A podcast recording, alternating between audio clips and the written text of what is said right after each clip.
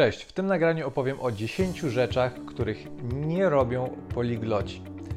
Jakiś czas temu nagrywałem podobny film, w którym mówiłem o nawykach poliglotów, o tym, e, co robią.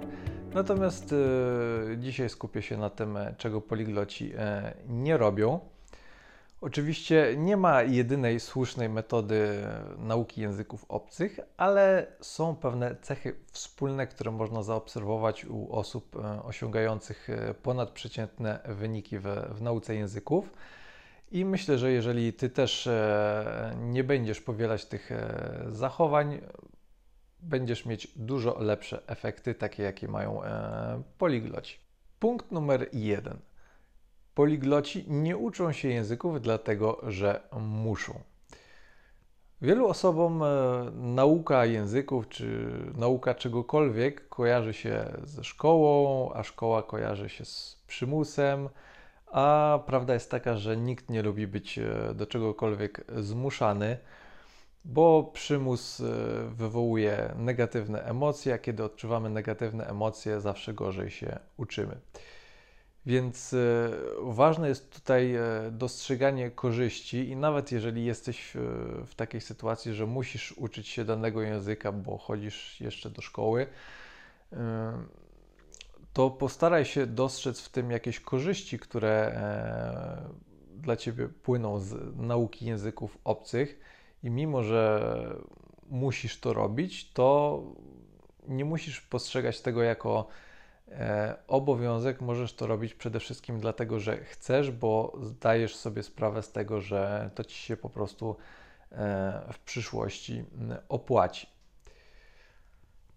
Punkt numer dwa. Poligloci nie stosują jednej metody nauki. Większość osób niestety uczy się cały czas tak samo e, i każdego dnia, każdego tygodnia ta nauka wygląda dokładnie w, w, ten sam sposób, nie ma tam żadnej różnorodności. Do tego przyzwyczaiła nas e, szkoła, bo tam każda lekcja wygląda w zasadzie tak samo i my później ucząc się e, języków samodzielnie, czy gdzieś prywatnie na korepetycjach, czy w szkołach językowych też po, powielamy ten schemat i cały czas uczymy się w ten e, sam sposób.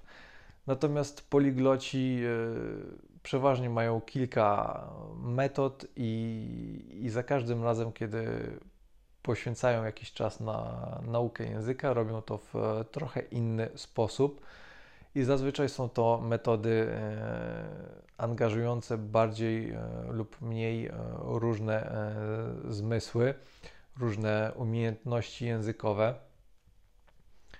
O tym, jakie to mogą być konkretnie metody, mówiłem już e, w innych e, filmach, więc nie będę tutaj e, poruszał tego tematu. Natomiast ważne jest to, żeby to nie była jedna i ta sama metoda za każdym razem.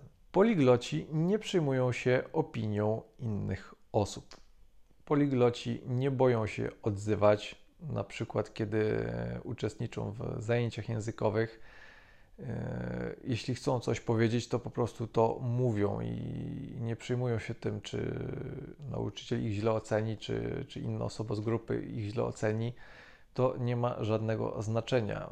Oni zdają sobie sprawę z tego, że inne osoby, które tam są, też są w takiej samej sytuacji, też uczą się tego języka, e, więc obawianie się opinii innych osób nie ma żadnego znaczenia. I tak samo jeśli rozmawiają na przykład z native speakerami w jakichś prawdziwych sytuacjach, też wiedzą o tym, że, że ci ludzie nie będą ich negatywnie oceniać, a wręcz przeciwnie, będą doceniać to, że e, oni podjęli ten trud i, i zdecydowali się nauczyć ich e, języka. Poligloci zdają sobie sprawę z tego, że praktyka prowadzi do szybszej nauki. Jeżeli będziemy tylko słuchać i czytać, e, będziemy uczyć się wolniej, natomiast jeśli będziemy jak najwięcej mówić, e, będziemy uczyć się zdecydowanie szybciej. Punkt numer cztery. Poligloci nie traktują błędów językowych jako coś złego. Dla większości osób e, popełnienie jakiegoś e, błędu językowego e, kojarzy się bardzo źle. Takie osoby czują się często gorzej z tego powodu, myślą sobie, że, że nie nadają się do, do języków, że ich wiedza jest na niskim poziomie i tak dalej, i tak. Pojawia się mnóstwo negatywnych myśli, negatywnych emocji. Natomiast dla poligloty popełnienie takiego e, błędu, który jest poprawiony przez nauczyciela na przykład, jest świetną okazją do tego, żeby nauczyć się czegoś nowego i poligloci w zasadzie cieszą się w takich sytuacjach, bo dzięki temu e, ich e, wiedza e, się poszerza. Punkt numer 5. Poligloci nie ograniczają nauki do lekcji z nauczycielem.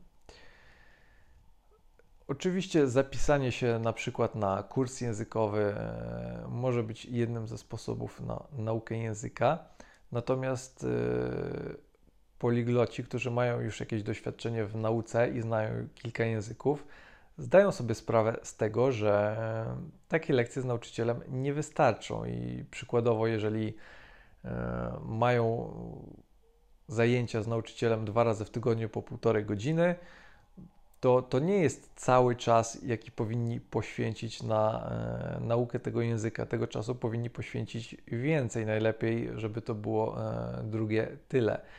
Więc oni tak naprawdę nie muszą się do tego zmuszać i, i sami potrafią zaplanować sobie e, ten czas, sami organizują sobie e, naukę w tym czasie, bo wiedzą, że pewne rzeczy lepiej zrobić e, samodzielnie, a pewne rzeczy lepiej zrobić z nauczycielem i dzięki temu te efekty będą dużo większe. Punkt numer 6. Poligloci nie unikają kontaktu z ludźmi i rozmów w języku obcym. Bardzo często jest tak, że uczymy się języka obcego w zamkniętym środowisku, w jakiejś sali lekcyjnej, w, jakiejś określonej grupie osób, które znamy, ale y, to nie w tym celu tak naprawdę uczymy się języka. Nie uczymy się języka po to, żeby używać go na lekcji języka. Nie uczymy się języka po to, żeby dogadać się z naszym nauczycielem, tylko po to, żeby e, używać tego języka w codziennych sytuacjach, w prawdziwym życiu i e, prędzej czy później taka konfrontacja z rzeczywistością musi nastąpić i byłoby dobrze, gdyby e, do tego doszło jak najszybciej, mm, bo właśnie takie prawdziwe sytuacje najlepiej powiedzą Ci, co umiesz, a czego nie umiesz, gdzie masz jeszcze braki i nad czym e, należy e, popracować. I taki test polegający na e, wykorzystaniu języka w prawdziwym życiu jest dużo bardziej miarodajny niż taki test ABCD, który może ci zrobić Twój nauczyciel i wystawić Ci później jakąś ocenę na podstawie klucza. Myślę, że im szybciej e, zdecydujesz się na coś takiego, tym e, szybciej dowiesz się, e, w którym miejscu tak naprawdę jesteś. Punkt numer 7. Poligloci nie ograniczają nauki języka do samego języka. Język ma to do siebie, że jest obecny tak naprawdę wszędzie i jeżeli uczymy się jakiegoś języka obcego, to oczywiście możemy uczyć się tylko tego języka, ale zazwyczaj te osoby, które mają ponadprzeciętne wyniki w nauce języków, yy, łączą to z poznawaniem kultury danego kraju czy danego obszaru językowego. Są to oczywiście filmy, muzyka, literatura tam wszędzie jest obecny właśnie ten język, którego chcemy się e, nauczyć. Mogą to być też e, podróże. E, bardzo często dla poliglotów rozpoczęcie nauki danego języka jest równoznaczne z tym, że do danego kraju trzeba pojechać albo od razu, albo po, po kilku miesiącach nauki po to, żeby wykorzystać ten język e, w praktyce. Punkt numer 8 dotyczy tego, że poligloci nie szukają e, wymówek. Wszystkie te osoby, które mają słabe wyniki w nauce języków, e, są mistrzami w szukaniu wymówek. A ja nie mam talentu, a ja nie mam czasu, a ja nie mam pieniędzy i tak dalej, i tak dalej, i tak dalej.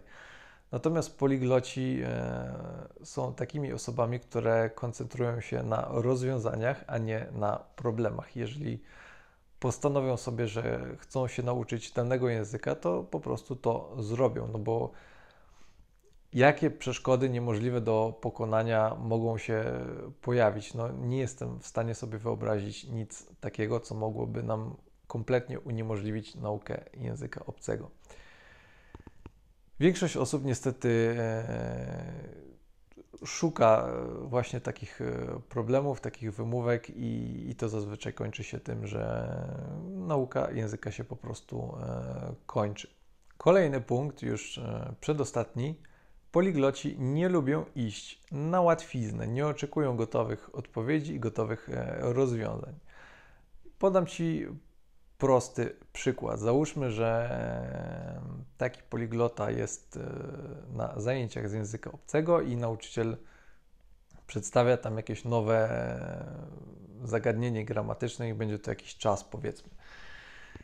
I większość osób oczekuje tego, że e, nauczyciel poda im całą teorię na tacy na samym początku. Natomiast poligloci wolą E, dostać jakieś przykłady zamiast tego, na przykład jakieś zdania z, z, użyciem tego czasu w kontekście i wolą domyślić się o co tutaj chodzi, wolą domyślić się co to jest za czas, kiedy się go używa i tak dalej.